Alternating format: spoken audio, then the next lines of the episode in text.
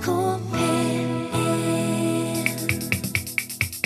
Da tar vi formålsparagrafen for programmet Utakt ved Kvindesland og Skjæveland. Ja, den er ganske enkel. Den eh, skal hjelpe deg til å le litt på mandagskvelden, vi borger for godt humør, og så håper vi å være godt selskap i tillegg. Ja. Men vi begynner litt trist. Det er Eller- trist og trist. Vi, vi begynner vel med en aldri så liten brannfakkel. Det må vel være lov å si. For er det sånn at du tenker å feire bryllup eller å markere en merkedag i utlandet, så vil vi vel si såpass at hvis du ikke kan betale reise og opphold for de du inviterer, så kan du bare la være. For det er det mange som opplever i disse dager. Det er blitt moderne å, å gifte seg i, i Toskana, eksempel. Ja, det er det. Eh, Og jeg vil bare si det sånn at hvis du da ikke betaler kost og losji og reis og hele eh, pakken, så igjen, nei, la være. Sa Gjerriknarken Skjæveland. Nei, men det handler jo ikke om det. Men, men det handler jo det om at jo, det er selvfølgelig dyrt å reise da på et, eh, et bryllup, en 50-årsdag eller et eller annet i utlandet. Men greia er det at du blir på en måte tvunget til å reise og bruke alle pengene dine på en ferie som du egentlig kanskje ikke har aller mest lyst til å reise på, som du egentlig ville heller brukt på en annen tur, hvi- hvis du skjønner. Og, og, og du legger jo et litt sånn utilbørlig press på òg når du inviterer folk, sant? fordi at du er en av mine nærmeste venner, derfor blir du invitert i, i bryllup. Og vi skal ha en fantastisk feiring i idylliske Toskana, og du Skal betale regningen sjøl! Og sånn er det med den saken. Ja. Men, Og- men, men hvordan skal en komme seg ut av det? på? Nei, altså det, hvordan du skal komme deg ut av det, det er jo eksempel å leie et grendahus. Lokalt. Ja, men når, når skaden har skjedd Nei, altså når, hvis du først på absolutt på død og liv må gifte deg på Mauritius eksempel, så går det jo an å lage en litt lengre invitasjon enn bare den der du er herved invitert på bryllup til på Mauritius. Du kan eksempel si at det, m- Kari og Per skal gifte seg. Det har vi tenkt å gjøre på Mauritius, for det er den mest romantiske plassen vi kan forestille oss. Vi ser at det er langt. Og vi har vel regnet på det. Det er steindyrt å reise der ned. Men hvis du nå, mot all formodning, hadde tenkt å reise til Mauritius eksempel om et halvt års tid, eller litt etterpå der, så er det kjekt hvis du dropper innom. Ja. Mellom, mellom fem og ni. Ja, Ja. Men det er ingen tvang, Nei. og det er ingen som blir sure om du ikke møter opp. Men, men Gjerriknarken Skjæveland, du vil ikke være med på bryllup i utlandet. Er det sånn at du heller ikke vil være med på bryllup i et, en annen by i Norge? Det koster penger, det òg. Ja, men altså, Jeg sier ikke at jeg ikke vil være med Nei, på bryllup i utlandet. Jo, men altså, sant, du, du, du, altså, Poenget er det at et bryllup varer bare ei helg, sant? Mens, mens du kunne brukt fire uker av sommerferien istedenfor på noe annet. Men jeg skjønner jo hvor du vil hen. Du vil f.eks. si at hvis eh, jeg hadde en kamerat som gifta seg i Tromsø, så er det dyrt å reise fra Stavanger til Tromsø òg. Det er det. Det er helt i grenseland. Så du, du vil- anbefaler folk å gifte seg innenfor kommunen? Innenfor bil. Avstand. Ja. Det kan godt være at vi må kjøre litt langt, men, men ikke for langt. Nei, greit. Det, det må være greit. Det må være sånn at hvis du glemmer bunaden, så er du i stand til å snu og, kjøre tilbake igjen. Og det er klart at det dermed igjen, så, så utløser jo det den der vanskelige hvem skal du egentlig gifte deg med? For da finner du gjerne eksempel en som er fra en helt annen plass, og så må du flytte bryllupet. Så egentlig så vil jeg bare anbefale seg å gifte seg lokalt, og, og både stedsmessig og, og, og partnermessig. Kortreist brud og Kortreist brudgom. brud og brudgom er det beste etter det jeg har grunn til å tro.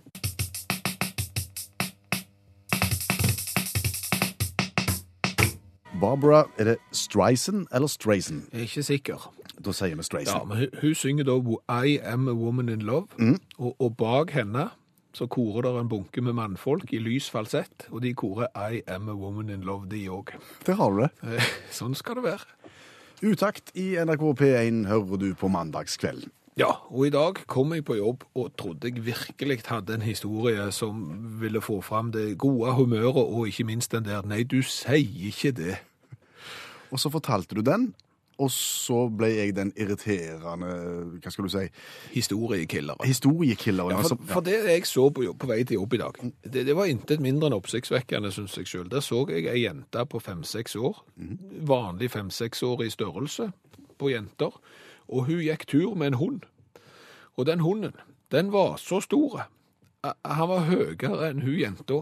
Det så kjempespesielt ut, men det er klart at mann 44 skal ikke stoppe opp og spørre om å få ta bilder av seks år gamle jenter. Så, så det gjorde jeg ikke, så jeg fikk ikke dokumentert denne turgåinga. Men, men det, det var intet mindre enn oppsiktsvekkende, syns jeg. Du kunne liksom dratt den gamle vitsen. Du visste ikke hvem som gikk tur med hvem. Ja, altså jeg kunne gjort, tok alle de der triksene i den boka der, og så kommer jeg til deg, og så forteller jeg det. Vet du hva jeg så? Og så når ikke min historie din historie til kne noen Nei, gang. nei, nei. For hva har jeg opplevd? Nei, du, altså, det, det, det, du har opplevd det, Jeg- si sånn, det jeg opplevde var oppsiktsvekkende. Det du opplevde var ingenting mindre enn oppsiktsvekkende. Jeg har opplevd mann som drev inter intervalltrening sammen med minigris. Og det er helt sant. Og, og, og, og der er, akkurat den historien der, er det, det er jo mange punkter der som må tas opp. Eh, Men altså, for det første så må du se det for deg. Eh, Var det, var det mann i, i, i tights? Var det, var Nei, det nei, lette treningsklær. lette treningsklær, ja? Jeg hørte det kom Jeg hørte pesing bak meg. Ja. Og så, kommer det Kom an, kom an, du klarer litt til. Litt, litt sånn oppsyking. Og så, så kommer han springende med en bitte liten svart minigris i bånn. Og så, så passerer de meg, og så springer de 60 meter, og så stopper de. Men, Og så det bra jobba, bra jobba, og så tøyer de litt, og så ja. ja. Men, men måten du forteller det på, da, så er det jo tydelig at her har jo da mannen vært ute for å trene grisen. Ja. Altså, Han har ikke vært ute for å trene seg sjøl og ha med grisen Nei. som på en måte sånn som folk har med en hund, Nei. fordi at den må springe den òg. Han har sett at grisen trenger mosjon. Og så han tenkt at intervalltrening har hørt det effektivt. Vi går i gang. Men, men hva skal du trene den opp til? Altså, hvis, hvis, hvis du trener opp en hund, så, så er det jo Jeg vet ikke om det er det i Norge, men det, det er i hvert fall noen sånn løp der du kan springe med en eller annen hund. Kanskje du skal trene hunden til å, å dra deg sjøl rundt en eller annen skiløype eh, eller noe sånt. Og trener du en hest, så kan jo det være en travhest eller en galopphest.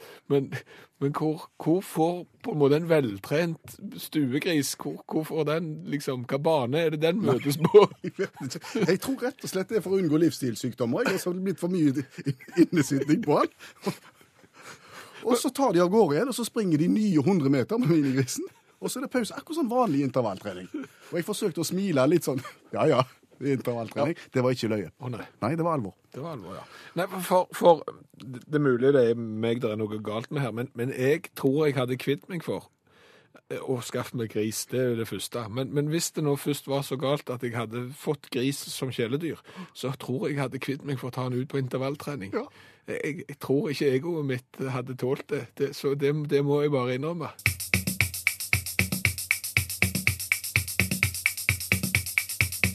Men det er en gledens dag i dag. Det må vi få lov til å si. Ja, det er det, fordi at eh, Vebjørn vender tilbake. Er overskriften for neste innslag. Og Vebjørn, hvem er det? Vebjørn det er sønnen min på syv år. Han har vært med i halvannet år eh, i utakt eh, og foredratt om eh, mange ting. Det siste halve året så har han hjulpet lyttere av utakt med vanskelige problemer de har hatt, enten det gjelder husmaling eller ja, samkvem med, med, med den de har valgt å ha samkvem med. Og Vebjørn har ost av sin livskunnskap, livsvisdom, og, og hjulpet til, som du sier. Men for et par-tre uker siden så, så var det stopp. Ja, da kom han hjem fra skolen, eh, rett og slett litt muggen, eh, og ville ikke.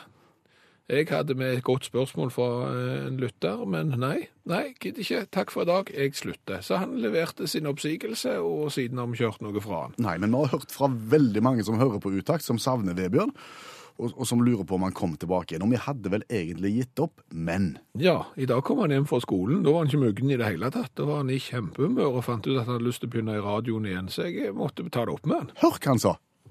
Ja, jeg er tilbake. Og det er du helt sikker på? Absolutt. Alle har lov til å feile. Trø uti det, havne på dypt vann, ta et feil valg en gang iblant. Jo da, det er for så vidt sant det, men eh, hvorfor har du ombestemt deg? Hvorfor vil du snakke radio nå? Jeg ser vel at valget mitt om å slutte var tatt litt raskt og på litt lavt blodsukker. Etter litt ettertanke så ser jeg at det kan være lurt å sette egoet litt til side. Hvis jeg kan hjelpe andre, må det være viktigere enn at jeg blir litt lei jobben av og til. Ja, akkurat det siste der kan jeg jo for så vidt være enig i. Dessuten må jeg si at det varma med støtten fra alle som har savna meg på radioen. Det har vært en god støtte i den tunge tida. Ja, eh, men kan jeg da, Vebjørn, som arbeidsgiver stole på at du nå blir på post en stund? Klart det. Men du må jo forstå, pappa, at jeg som syvåring vil komme til å kjenne fristelsene fra fotball, lek og moro, og at dette vil dra meg vekk fra plikter og jobb. Og da, pappa, får du og meg sammen jobbe oss ut av det. OK, eh, så da er du klar til å svare på spørsmål fra lytterne neste mandag? Ja, absolutt. Så bra. Det, høres ut som vi kan stole på han nå. Ja, vi, vi får håpe det. Vi får se på mandag eh, hvordan blodsukkeret er. Eh, Men vi satser jo på at det går, så hvis du har et spørsmål som du har lyst til at Vebjørn skal hjelpe deg med, så send en mail til utakt.krøllalfa.nrk.no. Han kan egentlig svare på alt. Ja.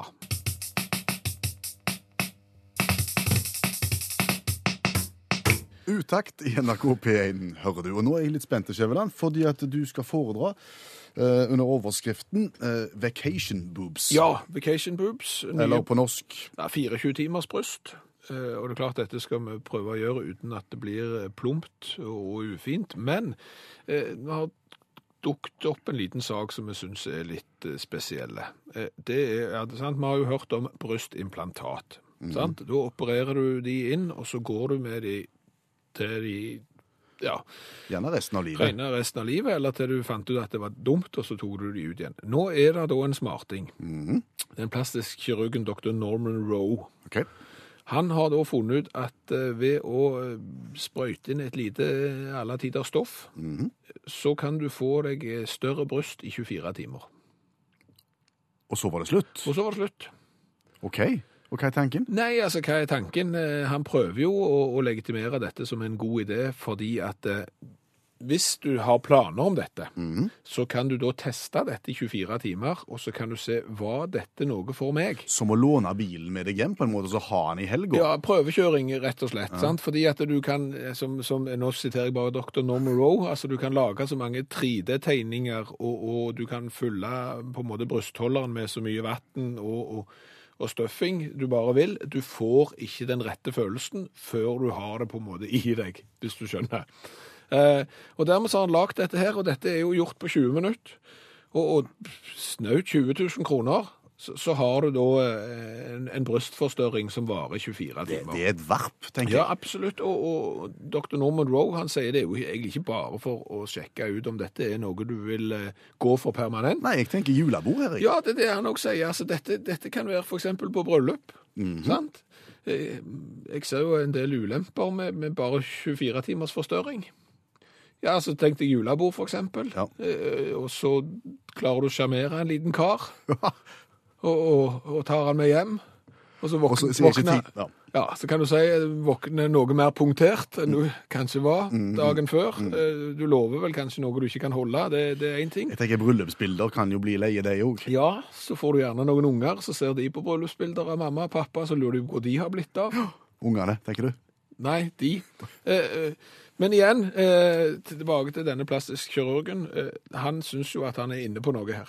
Men han er ikke helt i mål, for, for å, å sitere han 24 timer er bare 24 timer, sier han, og det er litt snaut.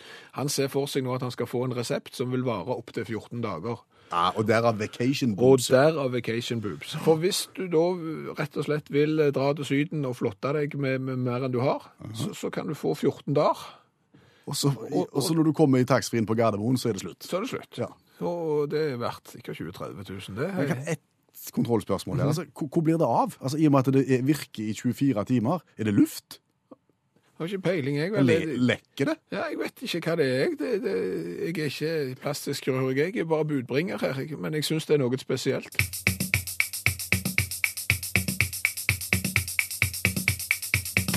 Og Vi snakket nettopp om den fabelaktige forretningsideen til Dr. Roe, vacation boobs, altså brystforstørring som virker i 24 timer og er opptil 14 dager hvis han er heldig. Ja.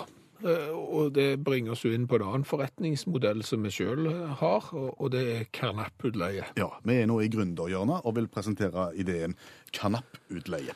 Ja, for, fordi at uh, kanappe, dette feiende flotte vinduet som henger på utsida av huset, Kan vi ta en liten språklig en først? Er det kanappen eller kanappet? et kanapp eller en kanapp? Nei, sikkert et kanapp. Har ikke peiling, men det er Fra nå av kalt et kanapp. Ja, men mm. kanapp er kanapp, og folk skjønner hva vi er når vi nå bare har forklart kanappets eh, iboende egenskaper. For det er da et vindu Ja. eh, som henger ut på huset, hvis du skjønner. Eh, altså, du, du syns ikke at et vindu skal gå i flukt med veggen. Eh, det er ikke fint, så dermed så bygger du eh, en liten kasse ut forbi vinduet istedenfor, der du setter inn i et annet vindu. Ja. Så henger det der som en sånn en, ja, kanapp, rett og slett. Velstandsvorte er jo den litt sånn der nedlatende betegnelsen. betegnelsen. ja, ja, men, men det skal, du skal ikke si det, for kanappet hadde, og for alt vi vet, har kanskje en alle tiders funksjon den dag i dag. For det var gjerne sånn, fikk du igjen på skatten, så var det litt vondt å vise til omverdenen. Ergo så bygde du et kanapp, sånn øh, før fellesferien, så kunne naboene se, å ja, Svendsen har fått igjen penger på skatten. Ja, det har han. Eller så kunne du bygge et kanapp før konfirmasjonen, for. Ja, For du får alltid bygge på noe før konfirmasjon. Ja, ja, men Skaper det mer plass i stua? Litt usikker. eh, Kan du trekke inn i kanappet? Ja, altså de, de største kanappene har nok kanskje plass til et par stoler, Ja. hvis, du er heldig. Et vanlig kanapp er nok bare en, en, en veldig djup vinduskarm. Ja. Så du har, kan ha noen store, ja, store urner i. Ok. Men, men, eh, men det er litt som eh, Dr. Rowe her, som, som sier at eh, han lager da 24 timers brystforståelse for at folk kan få lov å prøve om det er dette de vil, og det er jo på en måte gründerideen bak kanapputleie òg. I stedet for å, å, å måtte gjøre dette her, hele inngrepet fullstendig første gangen, Ja. så kan du leie et kanapp av oss, og så kan du se om det fungerer. Ja, du, kan- du kan det. Men for én ting er jo du du må bestemme deg er liksom dette noe jeg vil. sant? Samtidig så er det jo gjerne ikke noe du trenger permanent. sant? Nei. At du skal for eksempel bare vise at du har fått igjen på skatten. sant? Ellers er det konfirmasjon. Ja, så, så da tenker du nei, vet du hva, da leier jeg bare et kanapp for ei ukes tid. Ja. Til naboen har reist på ferie. Og så når han kommer tilbake igjen, så er veggen like fin. Og da, da tenker han her har det vært mye penger. Vi har kanapp på og av, for eksempel. Men, men vi, vi kan jo ikke sage hull i veggen bare for å, å teste ut et kanapp som er lånt av oss. Ja, men altså, fordelen med kanapp er at kanappet blir jo gjerne satt på der som vinduet er. Så det er hull fra før. Ja, altså det er jo vindu der, så da, da leier du bare et kanapp av oss, og vi har, vil jo se for oss at vi har forskjellige kanapp. Du har den billige kanappvarianten som er mer som et telt, sant? Altså den kan du nesten bare stifte på utsida. Eh, Den er jo da eh, er jo litt sånn teltduk og får sånn vindu så du har på, Ja. på, eh, på det du har foran campingvogna. Fortelt. Fortelt, ja. Det, det er jo den billige, hvis du ikke vil legge mye i det. Ellers så har vi jo ferdige eh, Sibirsk lerk. sibirsk lerke, som du skrur på. Og da skrur du det ut forbi det vinduet du har, Ja. og så bare enkelt og greit napper du ut det eksisterende vinduet, kan- holder ståpen. Du kan sågar bare åpne det, vel? Ja, har du husmorvindu, så kan du åpne det inn i kanappet. sant? For kanappet, det viktigste med kanappet er jo utsida, for det, det er jo ikke mye areal du får på et vanlig kanapp. Det er jo bare det, det, det er jo bare for å vise seg fram. Men, men eh, som, som- sagt, altså her er har du sjanse til å, å finne ut kanapp. Noe for meg, vet ikke.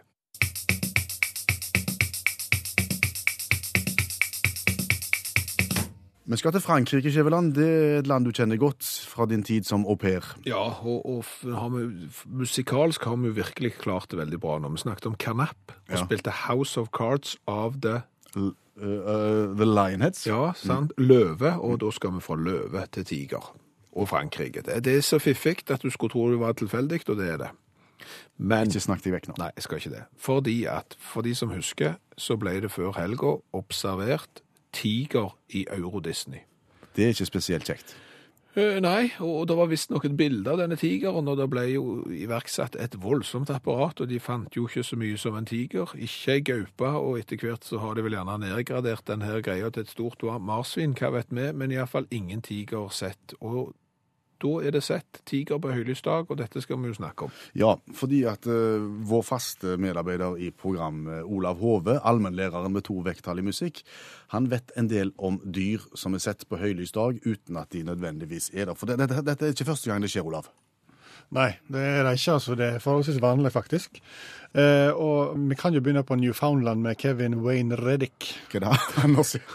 Kevin Wayne Reddick på Newfoundland. Ja, ja, han var, han var nok en Reddick òg, for han er 35 år gammel elgjeger. Gikk på jakt og var så heldig å komme over en hel flokk med elg, eh, og det er jo det kjekkeste. Så han skjøt, tenkte jeg skyter, jeg skyter elgkyr i. Fordi at eh, oksene lukter litt sånn brunst, og det er ikke så godt kjøtt på dem. Og kalvene kan jeg la få gå. Så han skjøt elgkyr i, traff henne i armen.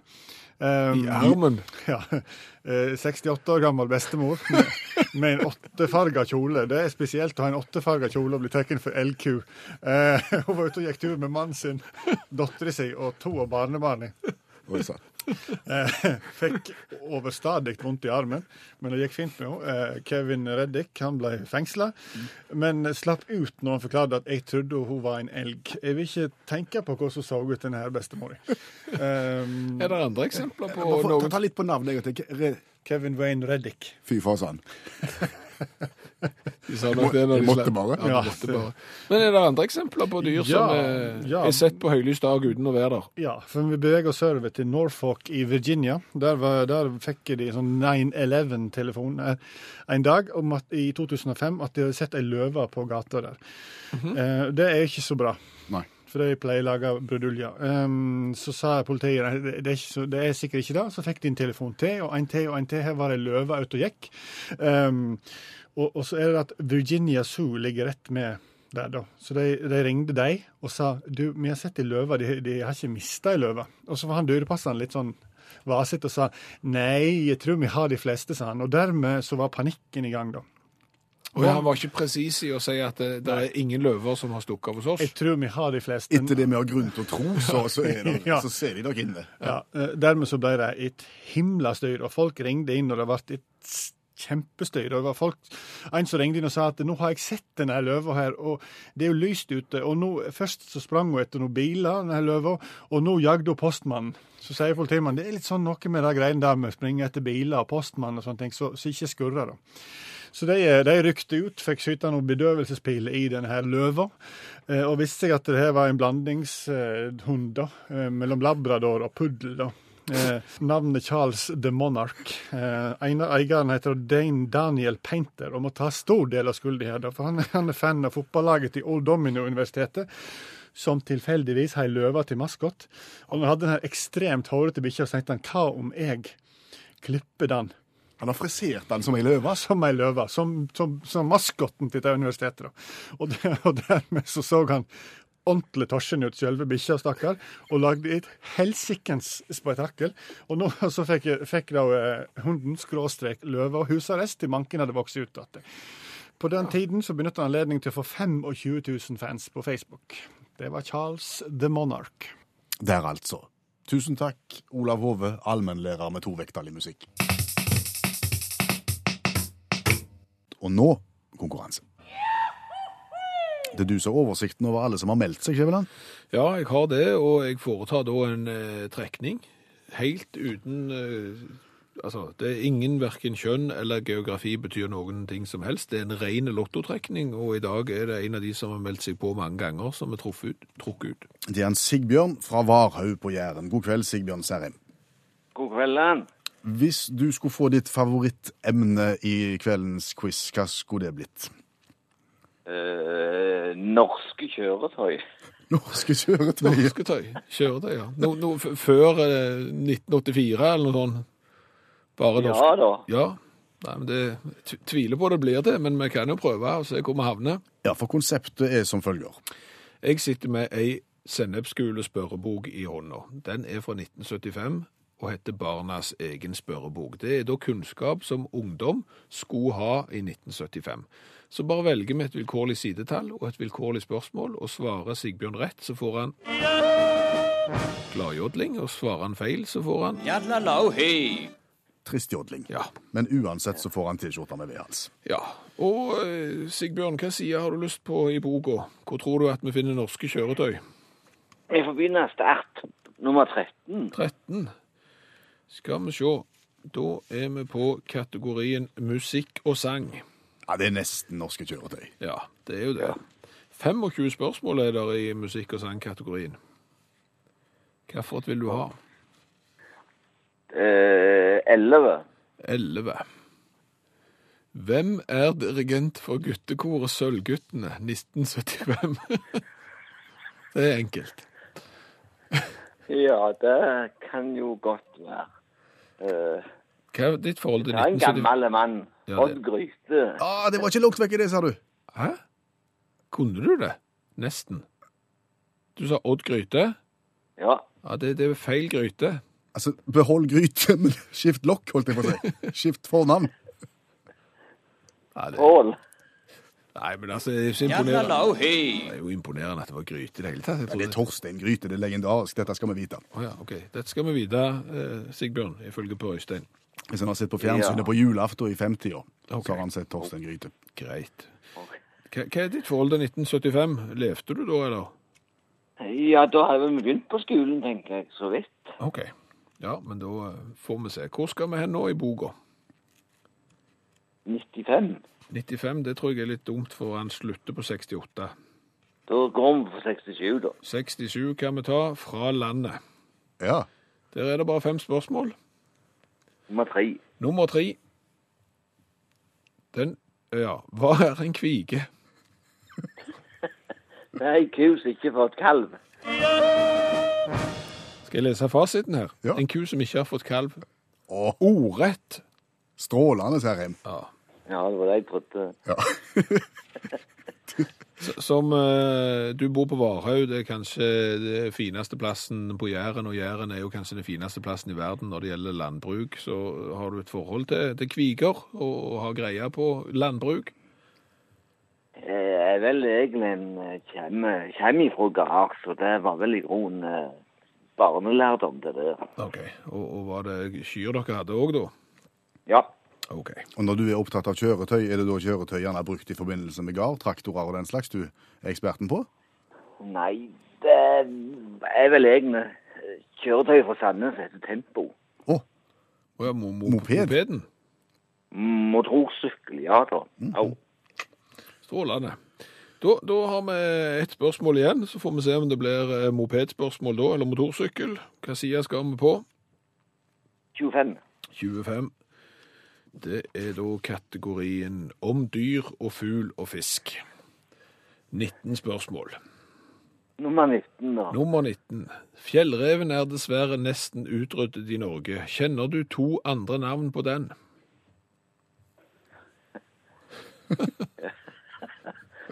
Eh, Polarrev og rødrev.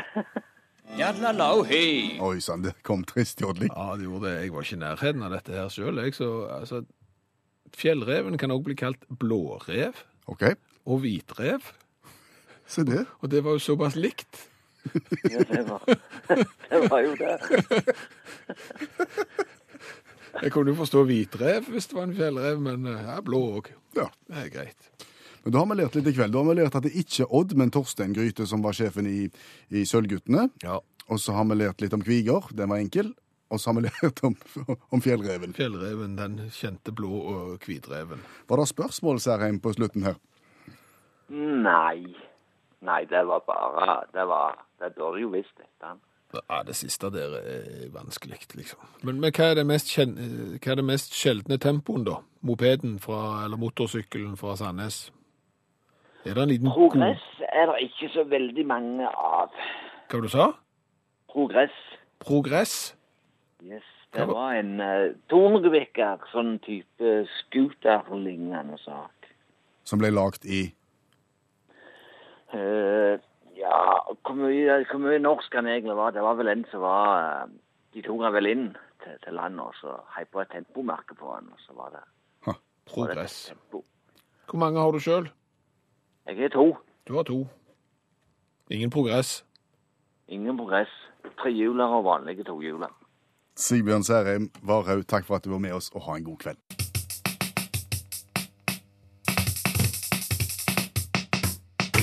Utakt i NRK P1 ved Kvindesland og Skjæveland, og Skjæveland har trukket utendørs.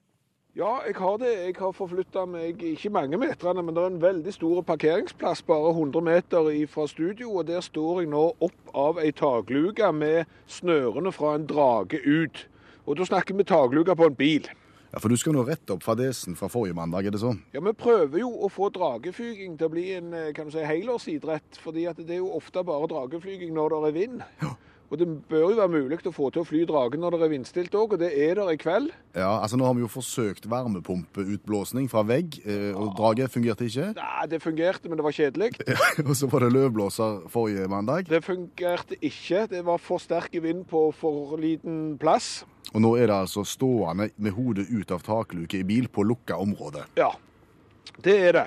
Og, og jeg har med meg allmennlæreren som sjåfør, og det er vel egentlig bare å si klar, ferdig, kjør, Olav. Så ser vi om vi får han opp. Kom an, kom, kom. Nei, han tvinner seg. Ja, mer, litt mer fart. Nei, jeg, veldig bra potensial. Ja, ja, ja, ja, ja, ja, ja, ja. Kom an, kom an, kom an. Gi gass, gi gass. Det blir... Allmennlæreren kjører forsiktig. Ja, han kjører forsiktig. Og jeg... jeg- Der er han oppe! Han er oppe! Bare kjør, kjør, kjør, kjør, kjør! Kjør! kjør! Ja da! Det er kjempesuksess! Det er dødsbra når jeg fikk han opp. Bare kjør på, kjør på, kjør på! kjør på. Dette er gøy. Han er ti meter over meg, og det er en god gang. Og jeg kan styre han med begge snørene. Jeg har sånn styredrage. Og veldig bra. Men er det snart slutt på parkeringsplassen? Nei, det går rundt og rundt. Vi kan kjøre i timevis. Ja, ja, ja. Har du, har du tilskuere òg? Ja, det er tre stykker som er ute og jogger, og de er imponert over at vi får lønn for dette. dette virker. Spill musikk på Øystein. Vi kjører litt med å kose oss.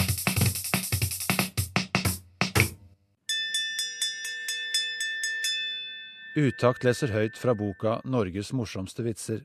De beste vitsene fra NM i humor. Allergi. Tre karer satt og pratet om å være allergisk mot forskjellige ting.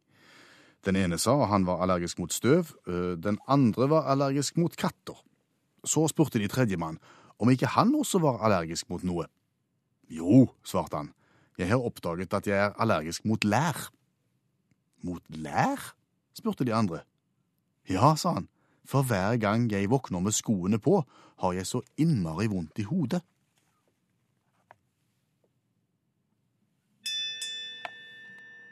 Du har hørt Utakt lese høyt fra boka 'Norges morsomste vitser'.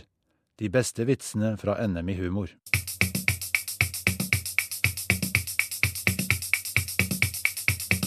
Utakt i NRK P1, og i Frankrike har de sett en tiger som de ikke har sett egentlig. Ja, ble observert en tiger ut forbi Eurodissen i, i Paris, som ikke var en tiger, som sannsynligvis heller ikke var ei gaupe, men kanskje et eh, stort marsvin. De har iallfall ikke funnet ut hva det var, og det var ikke en tiger. Og hvordan var det på Newfoundland?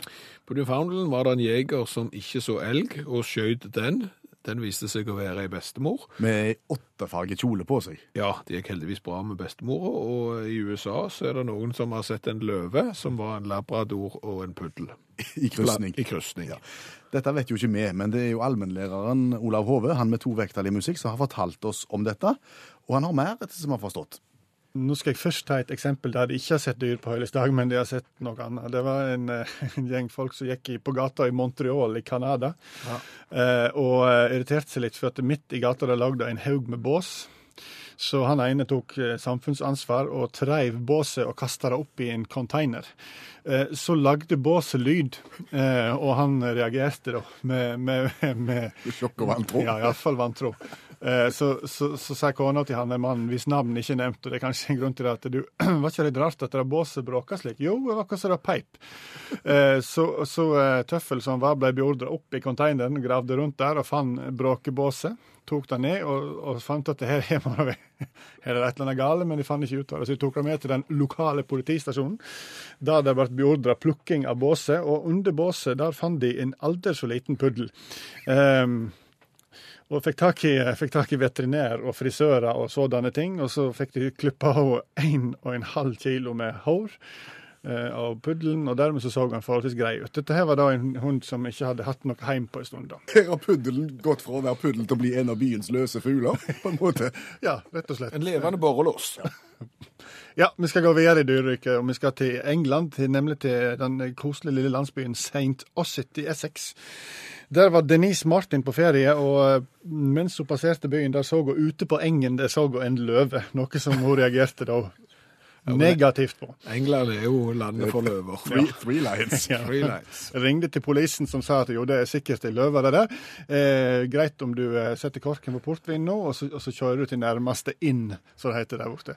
Eh, og så hun gjorde og tenkte dette er feil, men så kommer Gill, Gill og Steve Atkin kjørende på samme vei og eh, ser ei løve på samme eng.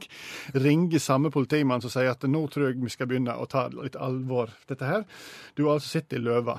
Og Gill eh, tok òg som ei dame for øvrig, tok bilde av løva og sendte inn til politimannen, som sa at eh, ja, det var faktisk ei løve. Samstundes med dette her foregår, så er det Ginny Murphy, på, eh, som er fra St. Ossit. Hun er på ferie i Liverpool. Legger seg inn på Adelphi-hotellet hvis de har vært i Liverpool. Det er det som ligner litt på Titanic. Eh, bygd samtidig og oppussa på samme måte.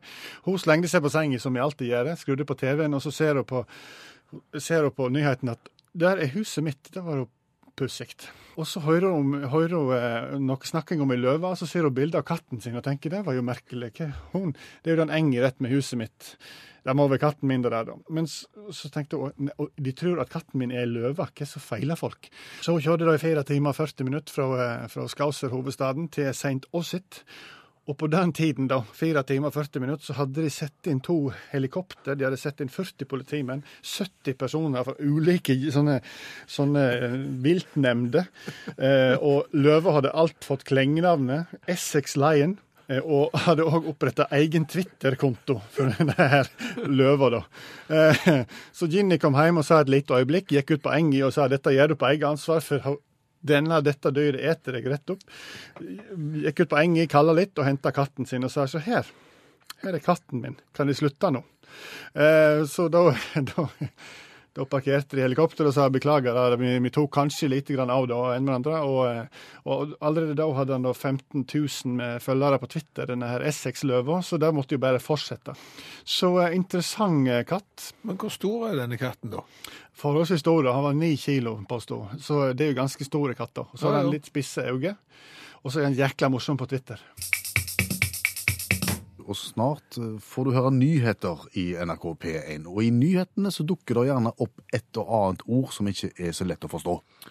Ja, det gjør det. Og, og gjerne et ord som ikke er lett å forstå, men vi får ingen forklaring for det, fordi at det er liksom Vi skal skjønne det. Det blir fortalt oss på en sånn en måte som at vet du hva, det der bør du skjønne. Det er jo et ord som alle bruker, men det er jo ikke det. Nei, for hvis en stopper opp og så spør hva betyr oligarki, for eksempel, oligark, Ja. som vi snakket om forrige mandag, Ja. så var ikke det bare lett. Nei, det var ikke bare lett. Og et ord som du òg hører mye i forbindelse med Øst-Europa, det er jo gjerne da eh, eksklave og enklave. Ja, gjerne enklave. Enklave først. Har du enklave, så får du ku. Og, og har du en eksklave, så får du sikkert ei ku til. Men, Nå, nå snakker du deg vekk, fordi at, fordi at dette er et begrep som du ikke helt har greie på, tror jeg. nei, men, men vi blir servert ordet enklave og eksklave i eh, nyhetsbildet. Og skjønner du hva det er? Enklaven Nagorno-Karabakh blir jo gjerne brukt. Det har du hørt, ja.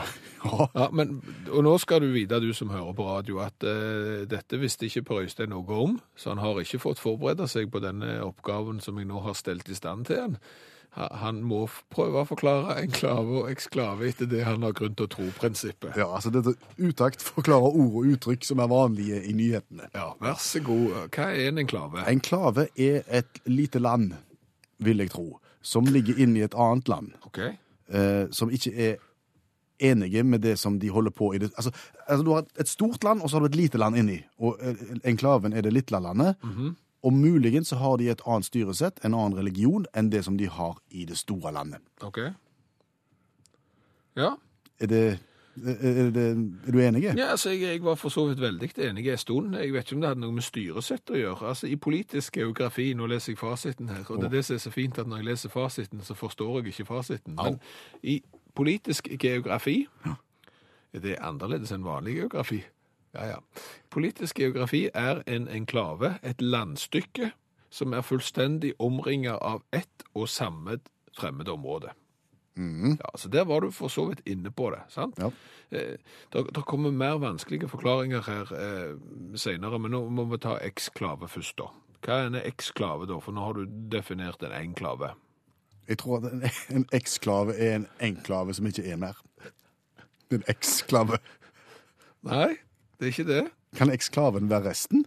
Altså du har enklaven i midten, og så har du eksklaven rundt? Nei, altså For det fine her er at det fins enklaver som samtidig skal være en eksklave, men det begynner å bli vanskelig her, eh, her greier. Så er det for, altså for Det var enklave. Mange enheter er både enklaver og eksklaver, men de to er likevel ikke synonymer. I dagligtale brukes imidlertid en enklave som en felles betegnelse. Heng nå med, for nå kommer det viktige her. Et eksempel på en enklave som samtidig også er en eksklave, er Libya, det to l-er først, som er en spansk eksklave og en enklave i Frankrike. Et annet eksempel er Busingen am Horheim, som er en tysk eksklave og en enklave i, i Sveits. Altså en eksklave er et landstykke som tilhører ett politisk område, men som ikke henger sammen med det. Det skjønte vi ikke. Nei, ikke, ikke, ikke jeg heller. Sant?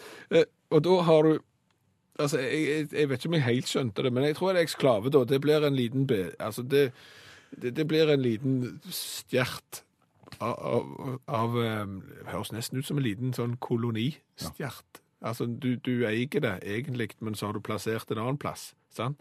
Ja, Og da kan jo i prinsippet en eksklave, altså en liten stjert som eksempel Frankrike eier og har plassert i et annet land, da blir en eksklave, og så er det en enklave siden det er inni et annet land. Og, og det er faktisk noen enklaver som er selvstendige land, og dermed ikke er eksklaver. fordi, ja nettopp, for de er ikke lånt ut Ja, av noen ja, andre. Ja, stemmer det. Og tre sånne land finnes. Det er republikken San Marino, som er en enklave i Italia, inne i Italia, men de styrer seg selv. Vatikanstaten, sant? i Italia, Roma, det òg. Og så Lesotho, enklave i Sør-Afrika. Hm. Men, men jeg, for meg vil det jo alltid være busingen om Hor... Hor... Horheim.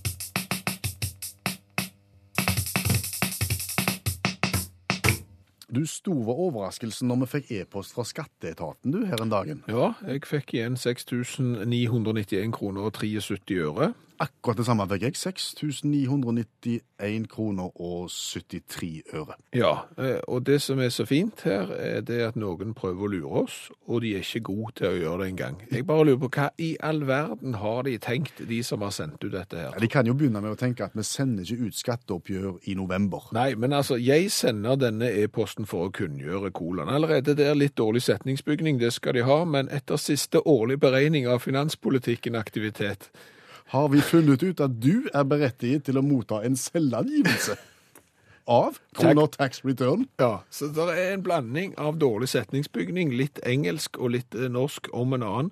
Og så er det jo selvfølgelig som det er i alle disse meldingene du får, eh, der noen skal prøve å lure deg til et eller annet. Du må jo selvfølgelig dokumentere hvem du er, sant? Og da skal du jo sende et bilde av din passport. Eventuelt ID, samt et bilde av deg selv, slik at vi kan gjennomføre en full identifikasjon. Vi må bekrefte din identitet i samsvar med forskriftene som gjelder. Ja, dette er jo typisk sånn som skatteetaten eh, opererer på nett. Det Ja, særlig det som kommer nå. Ja. For med et webkamera eller en smarttelefon vil du være i stand til å gi et bilde på nettet uten å sende oss noen fysiske dokumenter. Ja, så dette har vi jo gjort, eh, og er nå klar til å ta imot disse 6991 kronene og 73 ørene. Jeg skal bare sende det på mail. Ja. Og det er klart at skatteetaten opererer jo alltid med mailadressen skatteetaten tax, krøllalfa machush.com.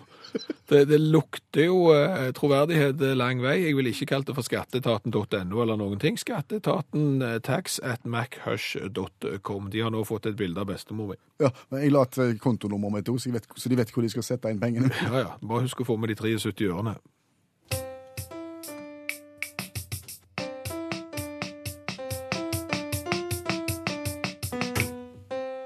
Var det spørsmål? Det var ikke det. Utakt er kommet til veis ende, men hvis du syns at Utakt og andre program på NRK er god radio, så kan du gå inn på radio.nrk.no, finne de programmene du vil, og høre de når du vil. Ja. Det er det som er det kjekke med det. Eventuelt laste det ned som en podkast, og du kan bruke, bruke programmet og spille det av på minidiskspilleren din. Ja, og det er haugavis med utaktprogram. Bjørn Olav Skjæveland og Per Øystein Kvindesland sier takk for i kveld. Hør flere podkaster på nrk.no podkast. NRK P1